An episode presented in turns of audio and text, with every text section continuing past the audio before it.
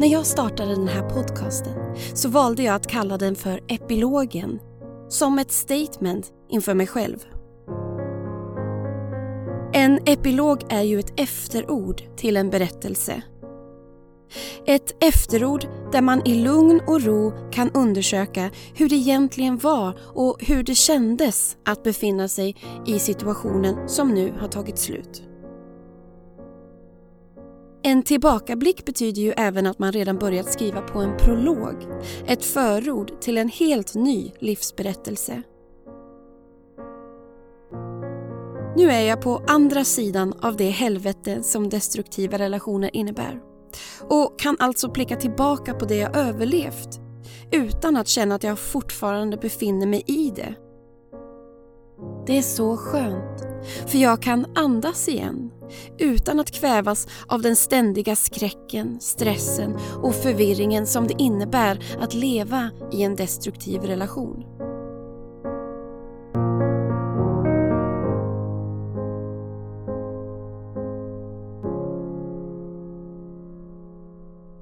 Epilogen Podcast har fått ett fint mottagande av andra överlevare av psykologisk och narcissistisk misshandel eller våld i nära relationer. Både av män och kvinnor och alla som ryms däremellan. Det är jag väldigt tacksam över för det fyller mitt liv med en helt ny mening. Det händer att jag får mejl eller meddelanden från andra överlevare som vill dela med sig av sina egna berättelser i podden. Och Även fast deras berättelser gör mig både upprörd och ledsen så blir jag också glad. För min grundidé med den här podden var just att skapa en trygg och stöttande plattform för alla som vill göra sina röster hörda. Här finns en given plats även för dig om du skulle vilja dela med dig av din berättelse i podcasten. Jag hoppas att den här podden kommer bli en plattform för många epiloger Fatta vilken kraft det blir av att vi skapar en gemensam röst för det dolda våldet. Det kan vara bra för nya lyssnare att veta att när vi pratar om det dolda våldet så menar vi det osynliga, komplexa våldet som innefattar narcissistisk misshandel och psykologisk och emotionell misshandel. Eller det jag kallar missbehandel. För det dolda våldet handlar inte endast om enstaka stunder av aggressivt och explosivt våld utan om ett systematiskt nedbrytande av offrets självkänsla och verklighetsuppfattning. Det innefattar både ett påtagligt och ett subtilt maktutövande och kontrollerande som gör att förövaren med tiden bygger upp ett fast järngrepp om sitt offer. Men det går att ta sig ur detta grepp. Det är inte lätt. Men när man väl lyckats ta sig ur detta järngrepp är det vanligt att känna att man vill varna andra från att hamna i en liknande situation. Och det gör man genom att berätta, ofiltrerat och som det verkligen var och hur det verkligen kändes. Men det är inte alltid så lätt att berätta. Man förstår ju knappt själv vad man har varit med om och hur det kunde ske. Att våga formulera sin historia, eller rättare sagt sitt trauma, inför sig själv kräver mod. För det innebär att man är tvungen att erkänna att man på så många sätt blivit lurad. Att kärleken inte var kärlek utan att man istället har blivit utnyttjad för någon annans själviska syften. Att man har levt under terror, varit manipulerad och att man inte varit en jämlik partner i en relation utan man har varit ett offer. När man kommer till den insikten krossas både ens yttre och ens inre värld och det kan ta lång tid att pussla ihop allt igen. Så att komma till insikt betyder att man har ett tungt jobb framför sig. Men det betyder också att man är på väg att frigöra sig från tyngden av det man har överlevt. Det är oerhört befriande och det är så man till slut läker och går från att vara ett offer till att vara en överlevare som sedan börjar blomstra och leva på riktigt. För några veckor sedan fick jag ett meddelande från en kvinna som vi kan kalla Klara. Hon skriver att hon vill medverka i podden med sin berättelse. Hon skriver Fundera lite på hur man kan få ihop en berättelse som liksom inte överväldigar och springer ifrån en. Hur börjar man ens berätta? frågar hon. Ja, var börjar egentligen ens berättelse? Börjar den där den destruktiva relationen inleds? Eller i barndomens relationsmönster och familjedynamik? Eller börjar kanske historien först när man fått insikt om vad man har blivit utsatt för? Det är ju ändå först då man kan börja formulera den inför sig själv. Allt jag vet är att när ens historia finns utanför ens egen hjärna, som i text eller när man delar den med någon annan, är det mycket lättare att släppa taget om den. Det är då också möjligt att frigöra sig från den skam och skuld som den inneburit. Allt det där som inte ens tillhör en själv utan bör ligga på den som orsakat traumat. Att dela med sig av sina erfarenheter av trauma och upplevelser av det dolda våldet är både läkande och stärkande för en själv och även för andra offer och överlevare att ta del av. Det känns skönt att få sina upplevelser bekräftade av andra och att vara med att sprida kunskap och insikt och medvetenhet kring sådant som är nästintill omöjligt att förstå sig på när man befinner sig mitt i det. Det känns viktigt för överlevare. Det betyder att man kan göra något bra av skiten man tvingats genomlida. Det kan ge en känsla av mening, att man inte bara överlevde ett slags krig som ingen pratar om, utan även växte och stärktes av erfarenheterna och självinsikterna man har samlat på sig på vägen. Och här är det viktigt att poängtera att överlevare inte känner tacksamhet kring att ha blivit utsatt för trauman. Nej, det är en tacksamhet man känner inför sig själv. Att man har bevisat för sig själv att man i princip klarar vad som helst. Och att man har valt en väg som leder framåt. Mot en ljusare framtid och ett starkare jag.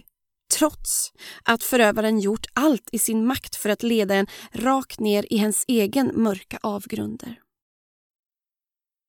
Okej, tillbaka till Klara. Efter jag och Klara har bollat lite fram och tillbaka kring hur hon ska börja berätta sin epilog uttrycker hon plötsligt att hon känner som om hon inte har rätt att berätta. För det finns de som har varit med om mycket värre. Jag vill bara utbrista. Nej, tänk inte så! Men jag vet ju att jag själv har tänkt precis som Klara. Jag har tänkt, vem är jag att klaga? Vem är jag att tycka synd om mig själv? Eller vem är jag att se mig själv som en överlevare? Jag fick aldrig några blåmärken. Jag låg aldrig på akuten halvt sönderslagen. Det här är en riktig tankevurpa. Jag tror till och med att det är ett av skälen till varför många stannar kvar så länge i destruktiva relationer. För man kanske tänker, han slår mig i alla fall inte. Eller det finns de som har det mycket värre än mig.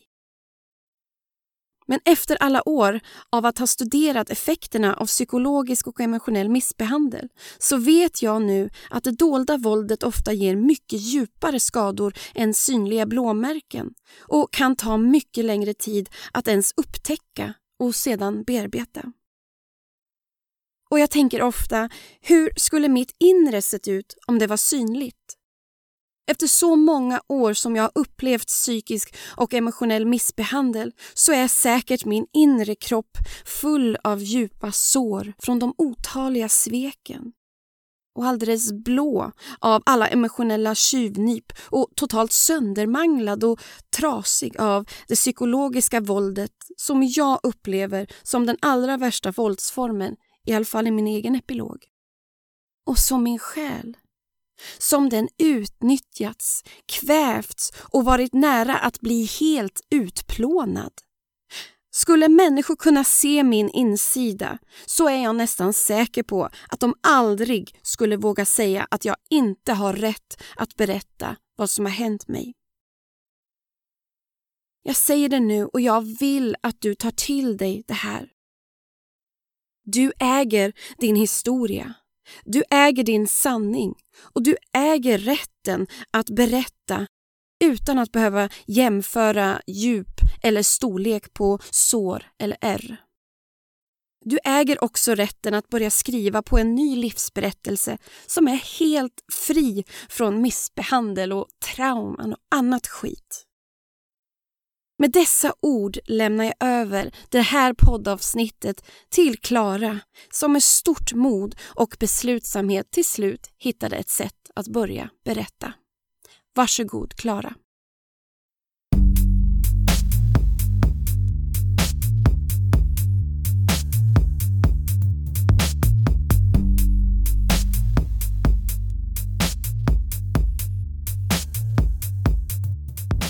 Jag var någonstans halvt utanför mig själv i en stressbubbla.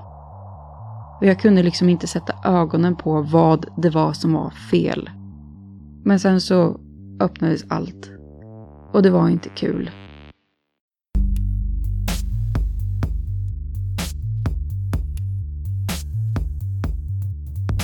Om man ska prata om det här som en epilog. Det är nu snart ett år sedan. Och jag är inte återställd än.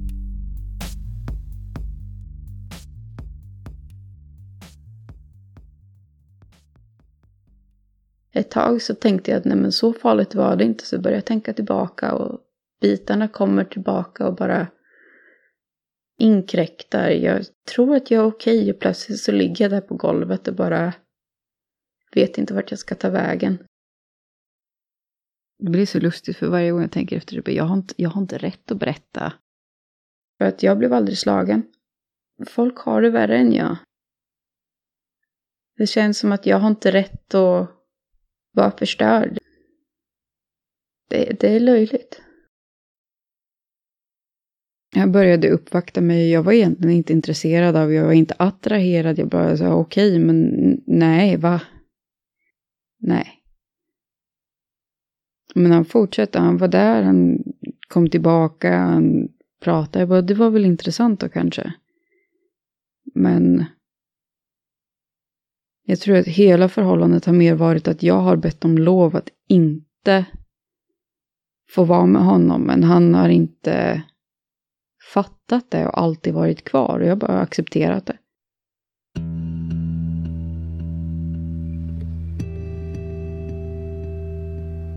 Det var ungefär som att, ja men nu ska jag ju se till att visa att jag kan ju tillfredsställa dig. Men jag hade ingen lust med det alls. Men det kändes ju liksom som att, okej, okay, jag är en fasad som ska underhållas. Och eh, jag behöver inte ha ärligheten, jag behöver inte kunna känna tillit. Så länge jag tror på lögnen så är ingenting fel. Så länge jag sväljer skiten som han kastar till mig så är det mitt fel. Att jag inte märker vad han gör har varit på mig. Att jag inte kan ta ett skämt eller att jag inte fattar något tidigare eller ja.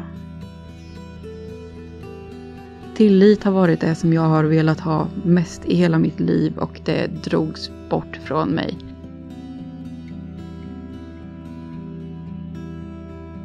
Och det bara slog mig en dag att ja, men han kanske kör gaslighting med mig. För det var så många gånger saker inte liksom stämde överens. Jag frågade honom om någonting vi pratat om häromdagen. Bara, Nej, det har jag aldrig sagt. Eller Ja, du kanske hörde det, men det var ju inte vad jag menade. Jag menar ju aldrig så, det fattar du väl själv. Varför skulle jag göra så? För det är ju helt absurt. Du kan ju inte lägga ord i min mun men då är det saker han har sagt till mig som jag har tagit illa vid mig av, men du ska inte ta dem så. Utan jag menar inte på det sättet, det förstår du väl? Bara, men det var ju en grej du sa och den sårade mig, men det skulle den inte gjort. Jag bara, nej, okej. Okay. Och så var det vissa saker som han pratade väldigt mycket om ett tag. Som han hade åsikter om och sen plötsligt så hade han ändrat åsikt. Och ibland när jag sa saker som gick överens med hans gamla åsikter sa han, men vad fan, så där kan du inte tänka.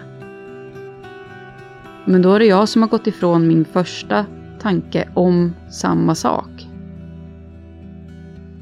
Och det var bara, Hela min hjärna bara gick sönder. Jag visste inte vad, varken ut eller in. Jag visste inte vad jag kunde sätta fingret på. Jag visste att någonting var fel. Men så sa han ju det att ja, men du är ju stressad. Eh, du är ju psykiskt sjuk. Det är kanske är det som är mycket.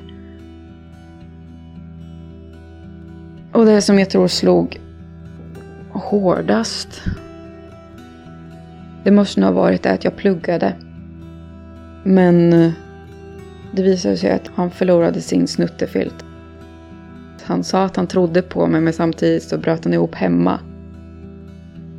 Det som slog mig hårt var att han sa att problemet med dig är att du har inte gett upp än. Jag förstår inte varför du ens försöker. Det här kommer inte gå. Men jag gav mig själv en chans. Och med chansen jag gav mig själv, genom att jag stärkte upp mig själv och växte, så betedde han sig skummare och skummare och jag kunde inte finnas där för honom 24 timmar om dygnet längre. Och han hade ingen, sa han. Men det kom fram senare. Han ljög för mig, han ljög för sin familj. Det kändes som att ingenting stämde i min vardag och det skylldes på mig. Min stress, min ångest, min oro, hur jag sov lite, hur jag såg saker som inte var någonting att bry sig om. Det var inte lätt. Jag minns tydligt att jag, jag bröt ihop.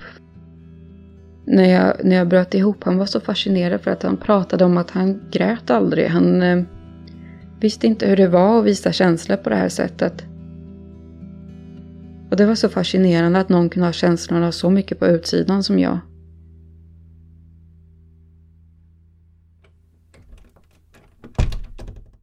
Jag stängde in mig i mitt rum. Han försökte locka ut mig med Ska vi kolla på en film? Han tyckte jag skulle komma ut och titta på serien som vi pratat om eller gå och titta på den där filmen som jag har velat se jättelänge. Han förstörde så många saker jag ville göra genom att bara ta dem för sig själv. Jag öppnade dörren någon gång och kom ut och han han gav mig ingen space. Han ställde sig ofta mellan dörren och dit jag skulle behöva ta. Han, stod utanför toaletten. Han ville prata. Jag ville bara vara i fred och få gå på toaletten. Och han stod utanför dörren och skrapade mot den så att det hördes så jävla tydligt. Och toaletten jag hade då är ungefär två kvadratmeter stor. Det var inte alls något större utrymme. Jag kände mig klaustrofobisk och instängd. Han lämnade inte utrymme. Jag skrek om att jag vill bli lämnad i fred. Snälla, lämna mig i fred. Gå till ett annat rum. Håll ett avstånd. Dra hem till, jag vet inte, din mamma, din pappa. Stick någonstans. Men han kom bara närmre och närmre och höll om mig och jag visste inte vart jag skulle ta vägen men jag skakade, jag, jag fick, jag hyperventilerade. Han var ju liksom hotet. Men där kom han som någon trygg famn skulle man kunna säga. Men den var så otrygg. Men han slog mig aldrig liksom. Men bara det där att den fanns där. Varje gång jag bad om att få vara i fred och ha space så kom han ett steg närmre. Och när jag gick in i mitt rum, eller ja, sovrummet, så kom han efter. Och han la sig i sängen bredvid mig. Han la sig och höll om mig medan jag skälvde och krampade och skakade. Och jag har sånt starkt minne av att jag höll för ögonen medan jag grät och jag bara upprepade jag vill inte, jag kan inte, jag kan inte, jag vill inte, jag vet inte vad jag håller på med, vad håller du på med, kan du snälla gå, snälla gå, snälla gå, snälla gå.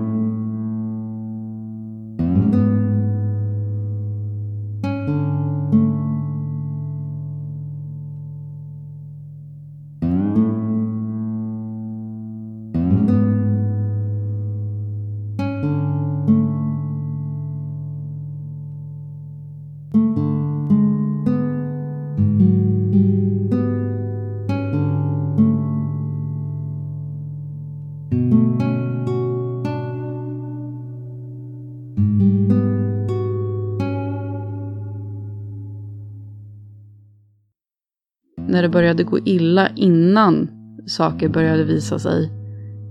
Eh, jag fick sammanbrott, jag visste inte vart jag skulle ta vägen. Jag kände inte igen mig själv längre, jag kände som om någonting var fel, jag kunde inte sätta fingret på det. Och det var liksom inte bra. Och jag fick något sånt, ja men vad, vad fan är det här? Jag, jag vet inte om jag klarar av det här längre. Och han sa, det känns ju som att du försöker få mig att göra slut. Och det första jag gjorde var att jag, jag backade bara. Jag bara, nej, nej. Eh, så, så är det ju inte, utan... Men jag kan ju inte ha det så här med det, förstår du väl? Det bara kommer vara så här att jag pallar inte. Det är ju inte bra just nu, eller hur? Okej, okay, men det blev dödläge liksom. Det här går inte, liksom. Det blev ju mer och mer klart för mig. Samtidigt så, jag känner mig så löjlig. För jag menar, vem är jag att säga att jag har blivit utsatt för någonting? Vem är jag att säga att jag är liksom, folk har det värre än jag. Förstår du? Men kände att jag, jag behöver bara komma vidare. Det var ju liksom inte det lättaste. Jag var ju rädd. Och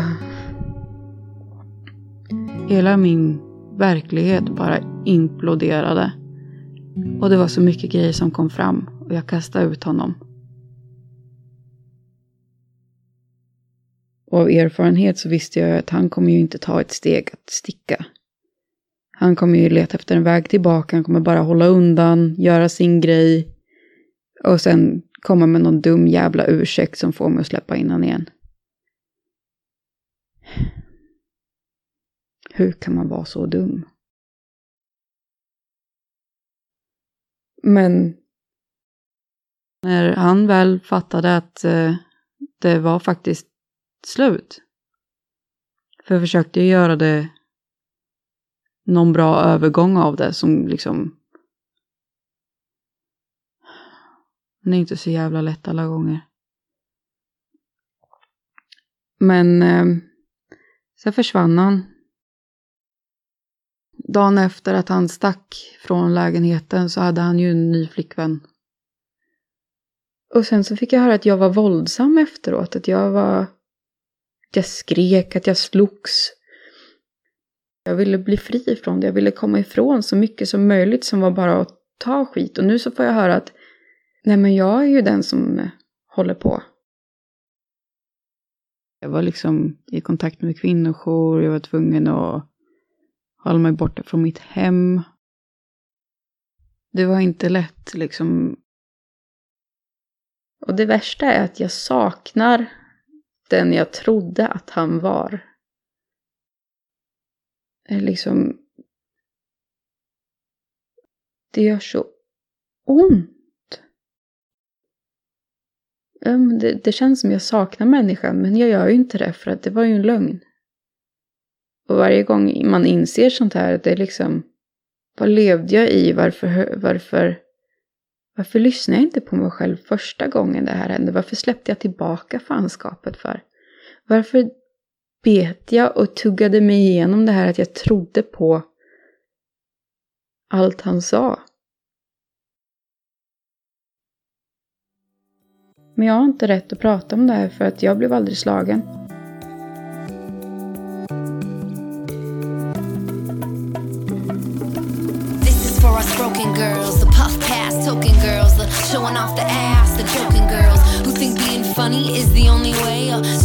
The money, or those who fade away from the drugs, from the bad love, from the extra pounds, drowning in shot rounds, fighting for a man who on your face puts his hand. I understand it's hard when this world has got bars. Make your plan to take charge and show you your value. Let's go through and wow you so you can heal. Be an example for the babies coming through, cause they can feel your pain, they can see it in your face, notice in your embrace that we could love more fully. If we love ourselves, I'm not one to talk. Du har lyssnat på Epilogen Podcast. Tack Klara för ditt generösa mod att dela med dig av dina erfarenheter så att det kan bli en källa av kunskap för andra att ta del av. Tillsammans kan vi riva väggarna som döljer det dolda våldet.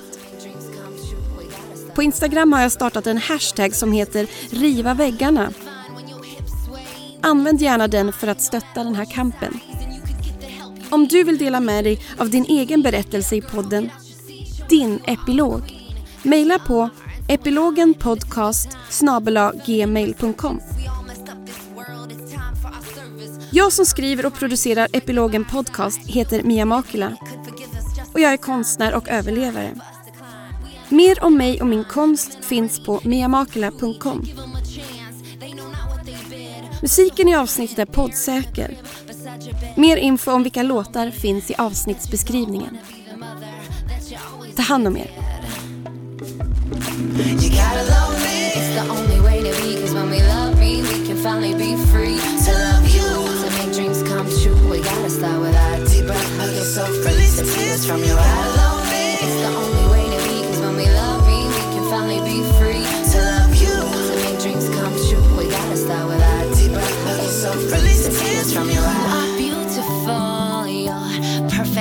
suitable. For goddess status. You're the baddest. You can do anything that you want to. You're the writer of your book. You are a fighter, and the earth shook when you arrived. Cause she was pumped, through you she strived to get humanity over the hump of ego, greed, and anything that isn't love. And did I mention you are perfection and you are destined? This is a lesson, you are a blessing. You are made of stars, you come from near and far. Remember who you are, you are made of stars. You gotta love me, it's the only way to be. Cause when we love me, we can finally be free to love you, to make dreams come true. We gotta start with our deep breath, hug yourself, release the tears from your eyes. It's the only way to be. Cause when we love me, we can finally be free